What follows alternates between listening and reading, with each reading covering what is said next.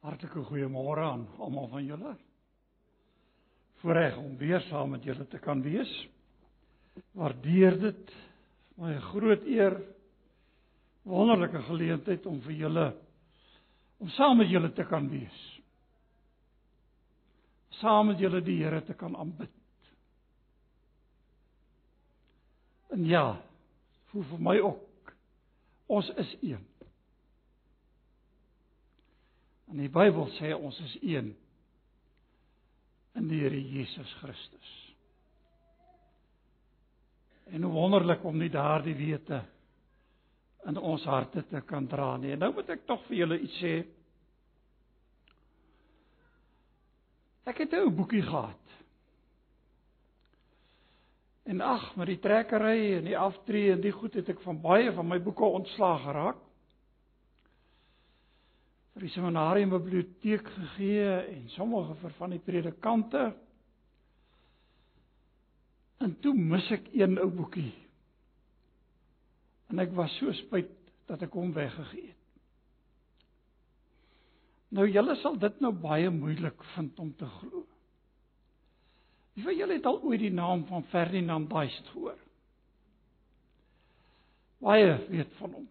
Nou hy's nie die mees konservatiefste teoloog wat ek nou geken het nie. Maar ek het altyd vir studente gesê al glo jy nie aan die historiesiteit van Jona nie, dan lees jy Jona se kommentaar wat hy geskryf het voor jy oor Jona preek.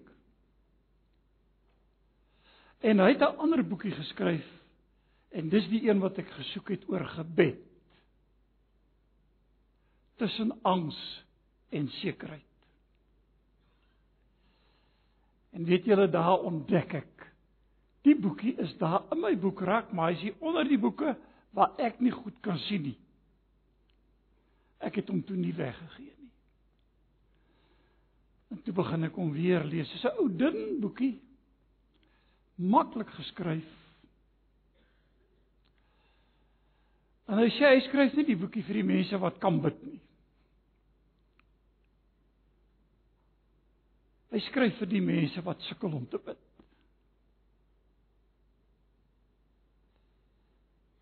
En vir wie dit partykeer moeilik is.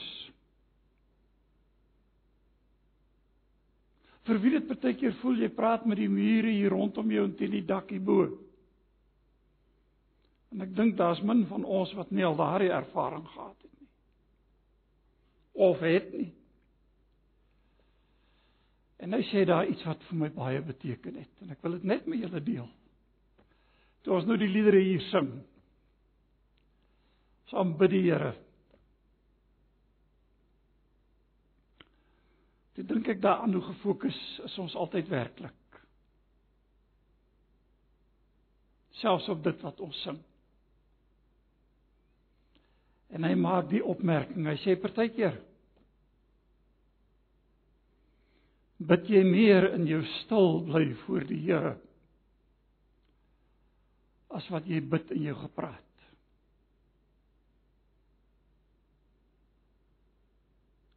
En hy kon net saggies sê dankie Here.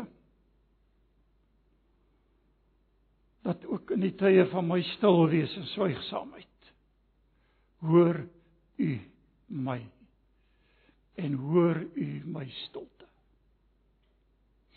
kan maar gerus daai boekie lees. Ek sal nie sê julle kan al sy ander werke lees nie. Maar daai boekie kan julle maar met groot gerusheid lees, maar ek dink nie hy is meer beskikbaar nie want dis daarom baie baie jare terug en ek meen hy's as 'n jong man relatief jonk is hy oorlede. Nou die ander saak wat nou hier ter sprake kom is die onderwerp waarmee ek besig is of of dat ek so sê besig was. En dit was 'n maand gelede. Die eerste Sondag van Maart het ek met julle oor die doop gepraat. En hier was nou mense wat na die tyd gesê het: "Het jy klaar gemaak met daai boodskap?" Jy het so stomp afgesluit. Maar broers en susters, ek moes afsluit want ek moes by 'n stoel uitkom. Want my bloedsuiker het skielik geval. So dink ek. En ek het gevoel nou moet ek by die stoel uitkom. Nou ons gaan vanmôre aan met hierdie onderwerp. Maar ek het baie gedink in die weke wat verby is.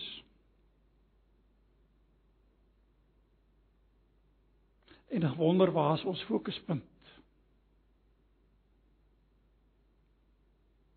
Nou voor ek daarmee aangaan. Kom ons buig ons hoofde, dan bid ons saam.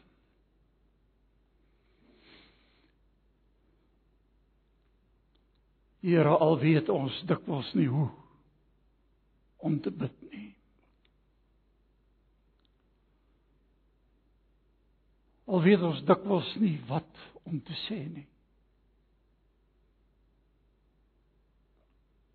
Is ons vanmôre hier by een as u gemeente.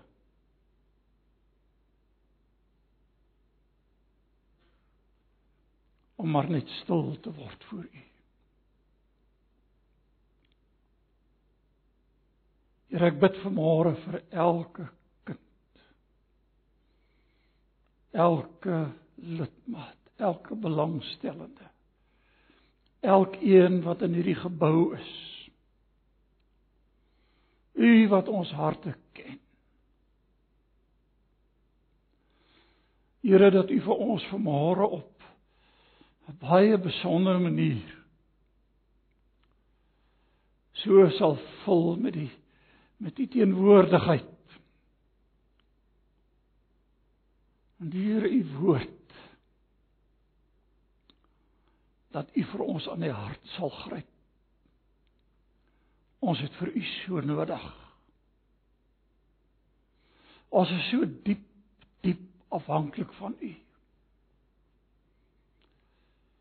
Ons het geluister na die gebedsversoeke. Hulle wat bekommerd is. Wat seer het. Wat soveel dinge het om te verwerk.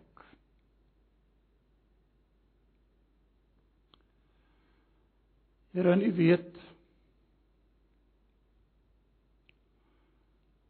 ons vra om vergifnis omdat ons partykeer so slim probeer wees terwyl ons nie die antwoorde het nie. maar net kan pleit dat u in die wonder van u grootheid van u genade in elkeen se lewe sal ingryp. En vir ons sal dra stap vir stap.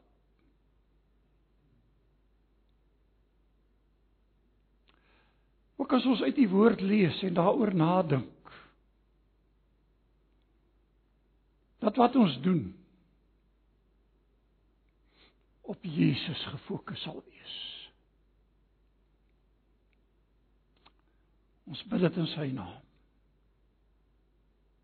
Amen.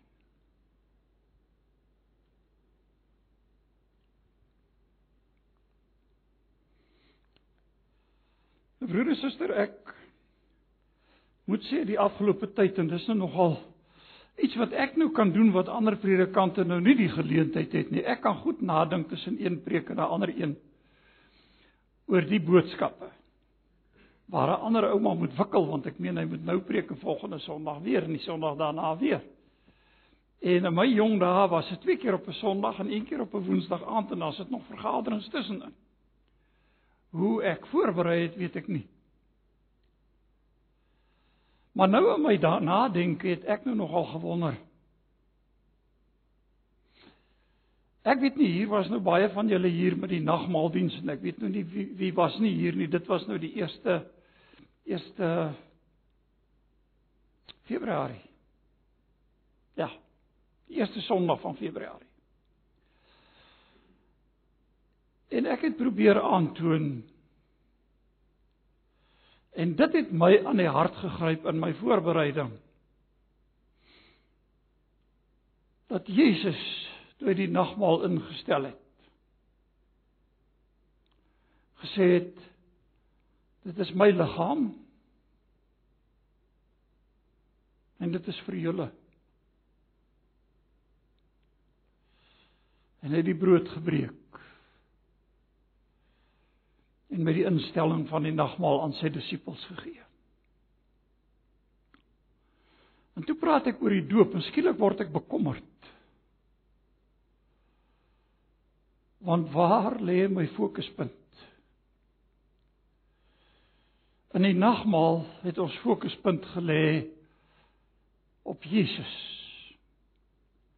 Wie se liggaam vir ons gebreek is en wie se bloed vir ons gestort is. En daarom as ek oor die doop praat, kan en mag ons nie 'n ander fokuspunt hê nie.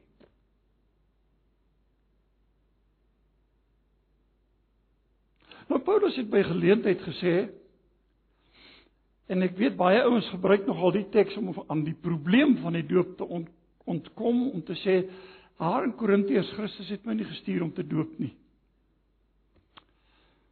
maar om die evangelie te verkondig. Maar nou moet almal van ons net in gedagte hou dat Paulus dit in 'n bepaalde konteks gesê het. Paulus het dit gesê in die lig van geweldige verdeeldheid in die gemeente. En die lidmate het aanhangers geword van mense. Onthou jy ek is van Paulus, ek is van Apollos, ek is van Sefas, Petrus. En daar was verdeeldheid so by so dat Paulus sê, ek kan nie eers met julle soos met geestelike mense praat nie. En in daardie konteks sê Paulus, ek is so dankbaar ek het nie een van julle gedoop nie. Maar nou sê hy het gemaak soos myne want toe sê hy behalwe vir en toe maak hy tog sy uitsonderings daar daar was tog enkeles wat hy wel gedoop het. Paulus het nie daarmee die doop onbelangrik gemaak nie. Maar weet jy in Paulus se teologie oor die doop plaas hy Christus sentraal. Die Here Jesus vorm altyd die middelpunt van sy denke selfs oor die doop. En nou wil ek hê julle moet saam met my hierdie gedeeltjie lees en daar's ander wat ons ook kan lees oor wat Paulus gesê het oor die doop. En die gedeelte wat ek nou wil lees is natuurlik Romeine 6. En ek dink baie het dit nou al vooruit geraai. Nou Romeine 6 moet ook ons ook in Hebreër verband verstaan en ek sal probeer om dit te verduidelik. Maar hier kom Paulus en hy skryf baie baie spesifiek wat my betref oor die doop. Daar was enkele ouens in die verlede dun gesaai wat probeer sê het hierdie handel nie oor die doop nie. Of ten minste nie die waterdoop nie. Aan die bekende prediker en skrywer John MacArthur. Hy gaan ook van die standpunt af uit. Nou, ek moet vir julle sê as ek hierdie lees en ek kyk daarna ook wat Paulus gesê het in Kolossense, dan kan ek nie anders nie en ek is oortuig dat hy die waterdoop hier ter sprake gebring het. En die fokuspunt nie op die waterdoop as sodanig nie maar op Jesus Christus. En ek dink enige preek, enige verkondiging van die woord wat nie hierdie fokuspunt het nie, mis die saak waaroor dit in die Bybel gaan want het Jesus gesê niemand kom na die Vader behalwe deur my nie. So hy moet die sentrum wees van my oortuigings van my aanbidding van my prediking van my toewyding en as ek praat van die nagmaal gaan dit oor Jesus As ek praat oor die doop, gaan dit oor hom. En ons oë moet op hom gerig wees. Nou lees saam met my. Ek begin by vers 1 en ek lees hier uit die Nuwe Afrikaanse vertaling. Paulus sê in Romeine 6 vers 1 wat moet ons nou hiervan sê? Moet ons aanhou sonde doen sodat die genade kan toeneem? Beslis nie. Hoe kan ons wat dood is vir die sonde nog daarin voortlewe? Of weet julle nie dat ons almal wat in Christus Jesus gedoop is in sy dood gedoop is nie?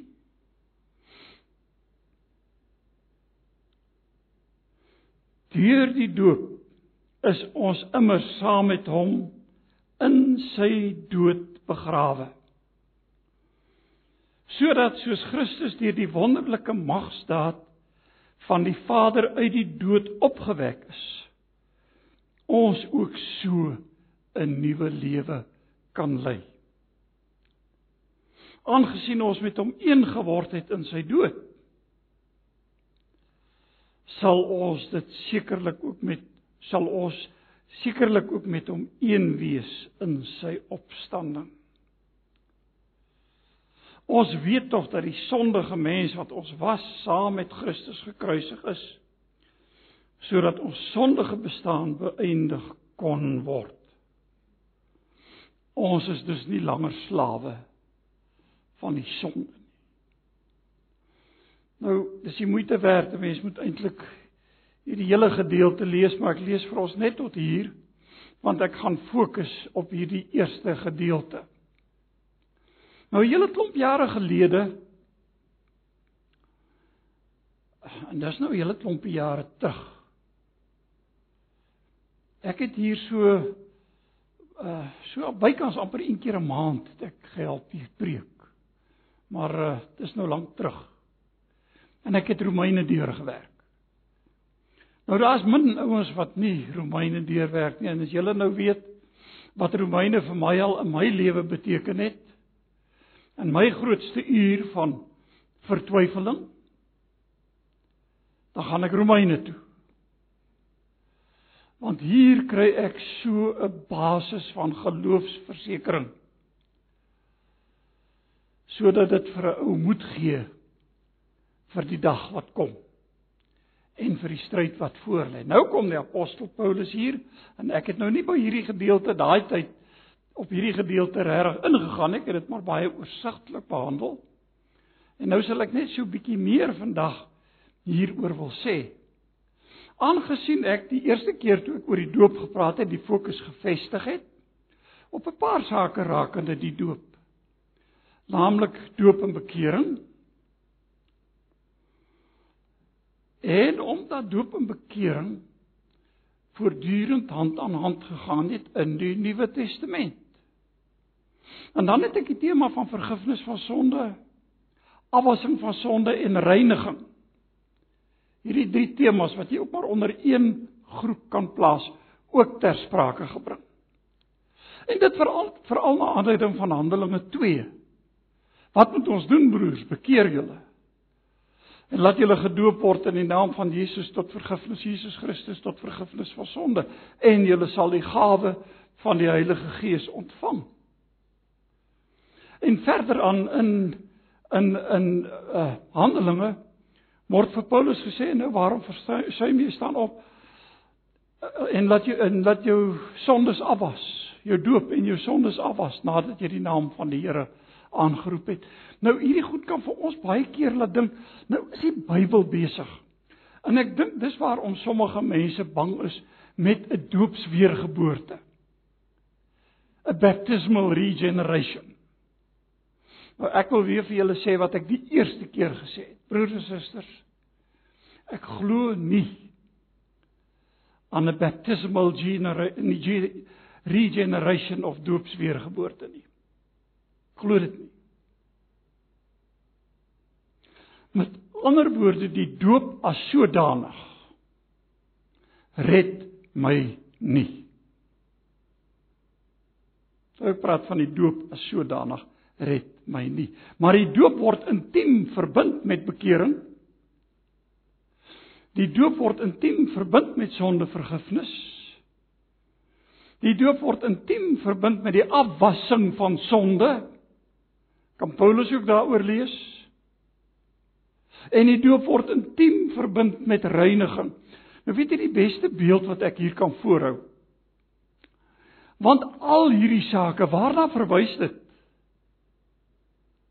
Na die heil van God in Christus Jesus. Na wie kyk ons? Ons kyk na Jesus. Wat die heil bewerk het. En weet jy, daar's nou baie terme wat ons kan gebruik: bekering, vergifnis, afwassing van sonde. En dan kan ons nou ander terme gebruik soos roeping, weergeboorte, heiligmaking, al hierdie dinge. En die tradisionele teologie het die dinge so in 'n orde salutis, 'n heilsorde geplaas. 1 2 3 4 5. Julle weet daarvan of baie weet daarvan. Nou dis nie nou vreeslik belangrik nie. Ek sien dit graag, weet julle, soos wanneer jy na 'n diamant kyk. En hy's gesny en hy het verskillende hoeke. Maar jy kyk nog altyd na dieselfde diamant. Maar jy kan uit verskillende hoeke na hierdie diamant kyk. Deur die hoek van bekering. Deur die hoek van begeer uh, uh, uh, vergifnis. Deur die hoek van die afwassing van sonde. Deur die hoek van weergeboorte. En deur die hoek van heiliging, so kan ons na hierdie diamant kyk vanuit hierdie verskillende perspektiewe en daaroor praat, maar dit gaan nog altyd oor die een heil. Ek hoop julle is met my as ek dit sê. Want dit is vir my so belangrik om dit te verstaan. En nou dink ek nie, ek het niks te sê oor die heilsorde en die dinge nie, dis nie waaroor dit vandag gaan nie. Dit gaan oor die heil. Dit gaan oor die heil soos dit gemanifesteer is in die Here Jesus Christus wat hy vir jou en vir my bewerk het aan die kruis van Golgotha. Dis waaroor dit gaan. En die oomblik as ek sê dis die kern van die saak waaroor dit gaan, weet jy wat vorm 'n deel daarvan? En ek het dit die eerste keer gesê wat ek oor die doop gepraat het en die wat dit nie gehoor het nie, ek hoop julle sit stewig. Deel daarvan is die doop.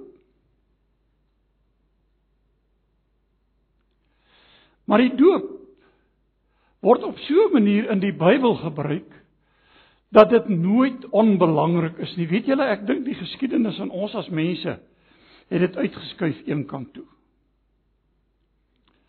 En laat ek nou maar eerlik wees en ek het dit te vorige keer gesê, Baptiste is baie keer bang om oor die doop te preek. Miskien omdat mense ons beskuldig baie keer as wederdoopers of as mense wat met die doop behep is. Nou eh, nou moet ek sê ek het nou oor die ding gedink. En ek sê dit nou maar so 'n bietjie tong in die kies. Maar Baptiste doop ongelukkig minder mense as wat die ouens doop wat die kinderdoop beoefen. Want hulle doop almal wat in die gemeente gebore word. En ons nie. Ons doop die wat gelowiges is. Hulle wat tot bekering gekom het.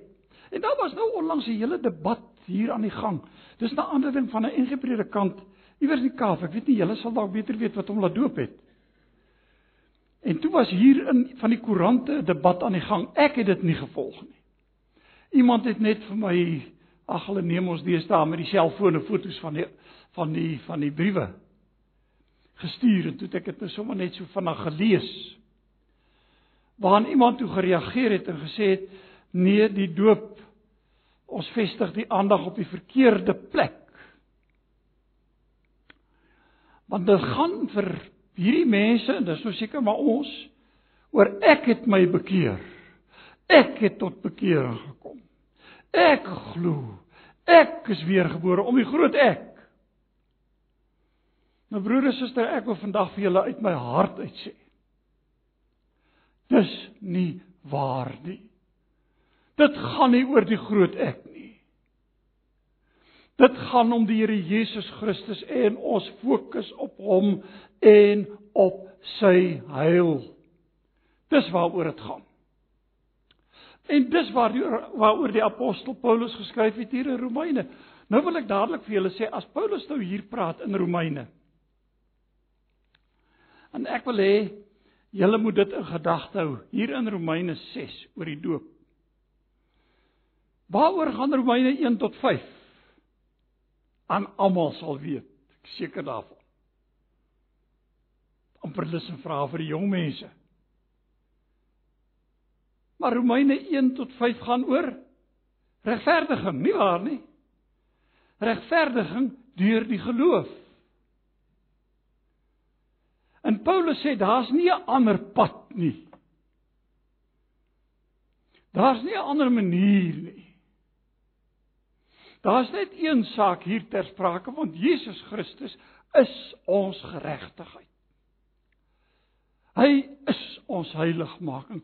Hy is ons verlossing. Ons fokus en dit sê die apostel Paulus is op hom en daarom het hy hier in Korintiërs gesê ek het my voorgenem om niks anders onder julle te weet as Jesus Christus en hom as gekruisigde nie. En weet julle dit gryp my so aan die hart want dis presies dieselfde ding wat Paulus in Romeine 6 doen want nou kom Paulus voor hierdie groot geregtigheid te staan die geregtigheid in God. Geregtigheid in Jesus Christus. My geregtigheid is nie my goed doen nie. Dis nie myne nie. Dis Jesus in my plek.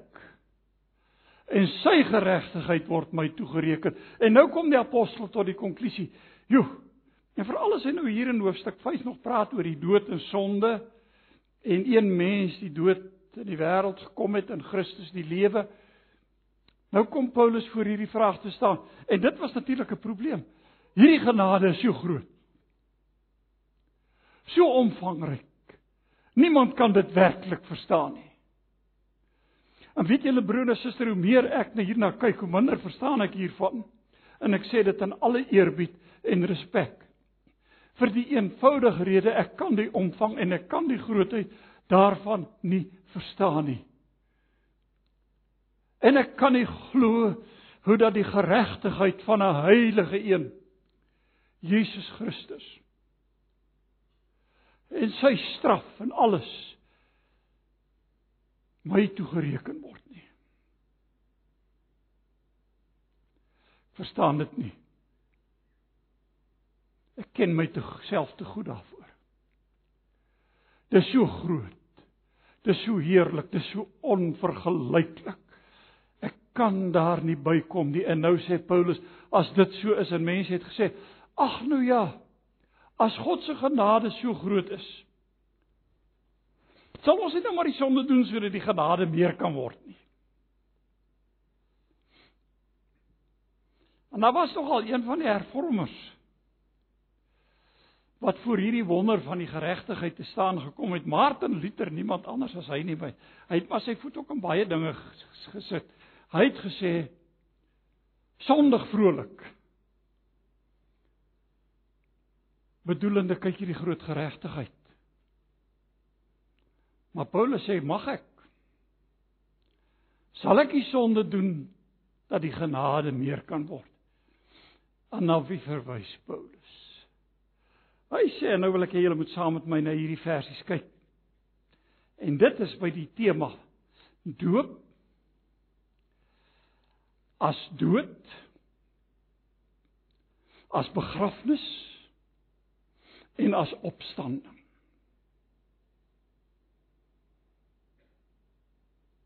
Hoekom die fokus op die Here Jesus? Broer en suster, ek en jy was dood in sonde, dit sê die Bybel. Ons is lewend gemaak in Christus Jesus. Maar daar's een mens wat fisies hier op aarde, die Godmens, waarlik God Jesus, waarlik mens wat hier op aarde geleef het, wat geskruisig is, wat gesterwe het, wat begrawe is en wat opgestaan het uit die dood. En nou kom Paulus, luister hier saam met my. Sal ons nou sonde doen hier in vers 1 sodat die genade kan toeneem? Ou vertelling, ou vertaling sê nee, stellig nie. Die nuwe vertaling sê beslis nie. Hoe kan ons nie? Hoekom nie? Hoe kan ons wat dood is vir die sonde nog daarin voortlewe? Nou hoe is ek dood vir die sonde?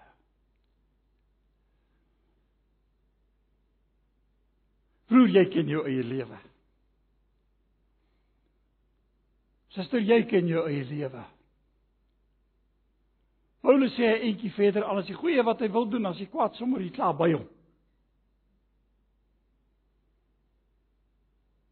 Hier staan ek blootgestel. Ek ken my swakhede en ek besef hoe maklik hoe maklik is dit om die oë van die Here Jesus af te neem. Hoe maklik is dit om die verkeerde ding te doen. Hoe maklik is dit om verkeerde besluite te neem. Ek het gisterand by 'n funksie gesê ek weet nie of van julle hom ken nie. Is van julle wat hom ken? Willem Odendaal, hy was predikant. Hy's nou al lankal afgetree. Hy het nou die dag sy 80ste verjaarsdag gevier. Groot waardering vir hom. Ons het 'n lang pad saam geloop. Hy het gesê sê vir my eendag hy sê ou Isak, weet jy?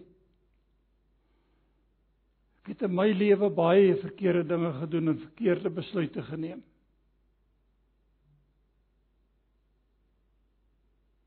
Maar deur die jare weet ek een ding.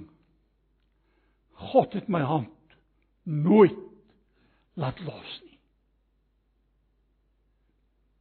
En ag hoeveel van ons sal dit nie vandag hier sê nie. God het my hand nooit laat los nie. Maar nou sê Paulus ons is dood vir die sonde. Hoe kan ons daarin voortlewe? Nou hoe is ek dood vir die sonde? En hier kom vir my die mooi van hierdie skrifgedeelte na vore. Paulus verwys na die doop. Kan jy dit glo? Kyk daar in jou Bybel, staan regtig daar geskrywe. Paulus sê: "Of weet julle nie dat ons almal wat in Christus Jesus gedoop is, in sy dood gedoop is nie?" Die ou vertaling sê ons is dus saam met hom begrawe deur die doop in die dood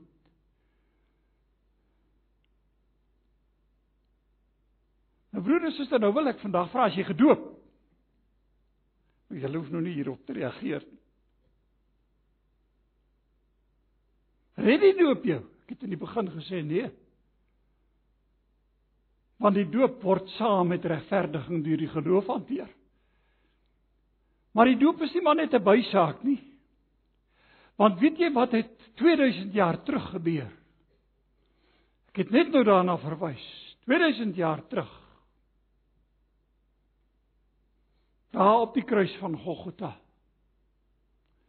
Het die seun van God die prys betaal vir jou en vir my sonde en hy het gesterf. Hy was fisies dood. Hy's begrawe. En hier is nogal vir my 'n belangrike saak want deesdae in die meer liberale teologie word daar nie meer gepraat van 'n leë graf nie. Daar word gesê ja, Jesus het opgestaan in ons geloof en in ons denke hier in ons koppe. Maar fisies hoef die graf nie leeg te wees nie. Broer en suster, die graf moet leeg wees. Hy's begrawe fisies in 'n graf. Hy het gesterwe. En hy het opgestaan uit die dood. Fisies. En daar's 'n leë graf. Moet ek dit verklaar? Ek kan nie. Ek staan voor die wonder van God in hierdie oggend saam met julle sprakeloos. En dan het ek die troos as ek sprakeloos voor God staan, dan hoor hy my nog steeds in my sprakeloosheid. Want dis wat Christus vir ons gedoen het en nou word ons letterlik op 'n manier deur die doop nooit sonder die geloof nie onthou nou ek het vir julle gesê voorafgaande gedeelte gaan oor regverdiging deur die geloof met Christus geïdentifiseer met sy sterwe en skielik word ek verplaas 2000 jaar terug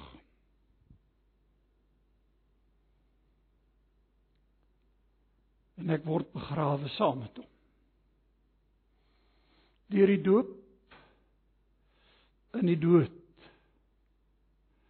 en saam met hom opgewek in 'n nuwe lewe. Ja, maar sal sommige van julle sê maar dis weergeboorte, korrek. Maar kan julle onthou ek het gesê ons moenie hierdie goed uitmekaar uithaal nie. Dis 'n een eenheid. Dis 'n diamant waarna ek kyk vanuit hierdie verskillende hoeke waarvan die doop nie 'n onbelangrike deel is nie of maar 'n weglaatbare deel nie. Nee. Hierdie net soos die brood. En Jesus wat die brood gee sê dis vir julle. Net so gaan die doopwater vir my heen wys na wat? Na die graf van die Here Jesus Christus. Na sy opstanding uit die dood. Nou ek wil nogal vir julle ehm um, iets hieroor lees. En ek het dit nou saamgebring en ek weet en uh die rekante sal nou dadelik vir jou sê moet dit nou nie so doen nie. Maar ek kan dit nou nie anders nie. Ek gaan goed aanhaal. Twee goed. Ek wil vir julle aanhaal. En nou wil my vingers nie die papiere hier van mekaar skei nie. Wie van julle het al ooit van FF Bruce gehoor? Hier's 'n paar. En ouens wat teologie geswat het sal ook weet van hom. Nou hierdie ou boekie is nou heelwat ouer as baie jong mense hier. Ek het hom gekoop in 1973. Oor Romeine, die ou boekie van FF Bruce. Nou FF Bruce wat ek net vir julle sê want wat kom al ek nou mense aan, ek is dan met die Bybel besig. Hierdie is 'n kommentaar op Romeine. En FF Bruce En nou moet die van julle wat nou slim is vir my help. Maar voor sover my kennis strek, is hy gereformeerd in sy teologiese denke. Hy's evangelies en hy's behoudend, konservatief. Nie liberalis nie. Nou wil ek vir julle lees wat sê hy oor hierdie. Luister. En nou moet julle maar my Engels verdra. Ek is so bly ek staan nie nou daar in Australië met die klomp Engels rondom my nie. Faith in Christ and baptism were indeed not so much two different experiences as parts of one whole. Nou julle die diamant. Faith in Christ was an essential element in baptism. Julle voorafgaande gedeelte van Paulus hier gaan oor geloof. For without it the application of water even accompanied by the appropriate words would not have been baptism. Interessant nie waar nie. Van iemand kom in 'n FF Bruce. Baie insiggewend. Dan gaan hy aan. Hy sê but when believers were baptized, what happened? This says Paul, their former life came to an end. Né? A new life began. They were in fact buried with Christ when they they are, were plunged into the baptismal water in token that they had died so far as, as so far as their own life of sin was concerned they were raised again with Christ when they emerged from the water in token that they had received a new life which was nothing less than participation in Christ's own resurrection is dit nie aangrypend gestel nie. Ek ek lees dit vir julle. Omdat ek nie dink ek kan dit beter sê nie. Hy het dit so goed gestel. Dit wat ek vir julle probeer sê hier uit Romeine in 'n neutedop. Kan julle die rykdom van die doop raak sien? Maar ek wil tog nog iets lees. En ek wil lees wat het 'n ou met die naam van wie van julle het al van hom gehoor Wim Vergeer? Daar is wat van hom weet. Hy's by die uh, kweekskool altyd gewees by Potchefstroom Universiteit. Daar by die teologiese fakulteit. En nou hoop ek ek kan dit gou genoeg raakvat. Want hy het iets baie interessant gesê oor hierdie hele kwessie van die doop.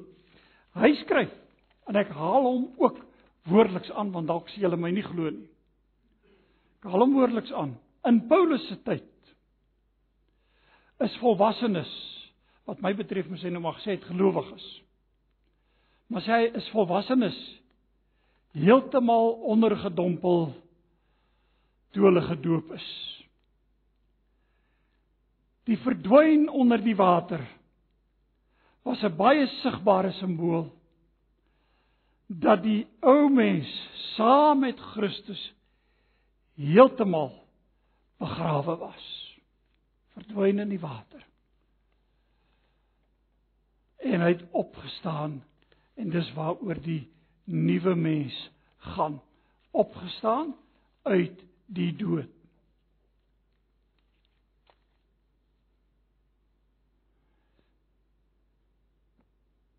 Beter en 'n mooier beeld kan 'n mens nie kry nie. Ek weet Adrian Kenig het in 'n in 'n boek gesê ja, maar ons kan nou nie hier die woorde gebruik wat Win Vergeer gebruik het nie want hulle het in Jesus tyd dwars begrawe en Jesus in in 'n grot neergelê. My broer en suster, dis nie waaroor dit gaan nie. Dit gaan uit verdwyn. Hy's in die graf het sy 'n grot of 'n gat. Trouens meeste mense in daardie tyd en in Paulus se tyd is in elk geval begrawe, soos wat ons dit ken. Dit was net die ouens met so 'n bietjie bietjie uh, groter inkomste wat uh, nogal die grond kon koop en daar in 'n grot begrawe kon word. Onthou Jesus was by 'n ryk man in sy dood. Hy kon nie 'n graf bekostig nie. Hy kon nie so 'n graf bekostig nie. Maar dit gaan om die verdwyn weg. Ek het gesterwe, ek is dood. Ek het saam met Christus gesterwe deur die doop in die dood en ek het saam met hom opgestaan in 'n nuwe lewe. Die doop as die sterwe as die begrafnis en die opstanding Nou die tyd het my vinnig ingehaal. Daar's nog een teks waarna ek wil verwys. En dis hier in Kolossense. En Paulus skryf hierdie omtrent in dieselfde woorde. Kolossense 2 Nou Kolossense het die probleem gehad van ag filosofiese in invloede, Joodse invloede, al hierdie goed in die gemeente. Ek weet meeste probeer die ouens sê dit was net filosofie, nie waar nie. Gaan lees Kolossense mooi en aandagtig deur dan sal julle ook Joodse invloede daar raak sien en ook filosofiese invloede. En nou kom Paulus en hy wil sê, maar kyk na Christus. Want die volheid is in Christus, die volheid van die godheid woon liggaamlik in Christus. En sê Paulus, julle het die volheid in hom in Christus. 'n Goeie ou vriend van my. Baie interessante man. Was op 'n stadium met hy gehoor ons moet oorgee. En dan sal jy nou die soort van tweede genade werk in jou lewe kan ondervind. Hy sê en toe gaan gee hy oor. Hy sê hy sê wie jy Isak hy sê ek het daar op die mat in die sitkamer soos 'n pap ding gehang soos ek oorgegee het. En daar niks gebeur nie. Hy sê toe lees ek Kolossense 2. Want in hom in Christus woon die volheid van die godheid liggaamlik en julle het die volheid in Christus en daar ontdek hy die waarheid. Hy sê man daar was my second blessing. Hy het gejuig daaroor om te weet in Christus. En nou kom Paulus en hy sê in hom is die volheid van die godheid liggaamlik en kyk dan in vers 11 want in hom ons is nou in Christus in hom deur julle verbondenheid met of in hom is julle ook besny met 'n besnydenis wat nie met hande verrig word nie. Wat bestaan in die dis in die besnydenis van Christus en dit bestaan in die wegneem van die sondige natuur van die mens en dit het by die doop gebeur deurdat jy toe saam met hom begrawe is. Deur julle verbondenheid in hom is julle ook saam opgewek. en omdat jy geglo het in die krag van God wat hom uit die dood opgewek het. Daar's die kern, broer en suster. Kan jy sien waarheen verwys die doop? Nou hier kom iets anders ter sprake besnydenis, maar dis nou weer 'n totaal ander onderwerp wat ek graag 'n bietjie meer volledig met julle sal wil deel. Maar daarvoor het ons nou nie vandag die geleentheid nie. Maar daarheen verwys die doop vir ons. As ons Jesus nie raak sien hierin nie, het ons alles gemis.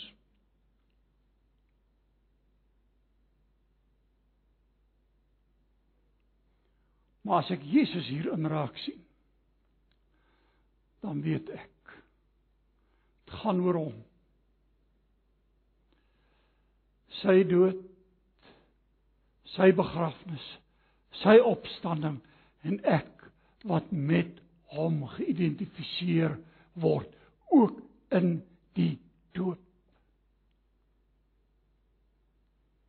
Ja, is dit nie wonderlik Dis so groot en so ryk. En dis so heerlik. En wat sê Paulus en ek sluit nou daarmee af. En nou kom ek nou nog in my stryd. En dan sê Paulus daar verder aan in Romeine en ons het dit nie saam gelees die Romeine 6. So moet julle dan reken dat julle vir die sonde dood is. Kom ons buig ons hoofde vir 'n paar oomblikke in gebed. Onse Vader, ons dank U vir hierdie oomblikke so saam rondom U woord. En waar die verkondiging hiervan in swakheid en menslike gebrokenheid gekom het, bid ek dat U deur die werking van U Heilige Gees hierdie skrifgedeelte opnuut aan ons harte sal bevestig. Ons dank U dat ons vanmôre kan bely ons is saam ons het saam met Christus gesterwe. Saam met hom begrawe. Saam met hom opgestaan in 'n nuwe lewe, die grootste wonder van alle tye. Ons eer u naam. Amen.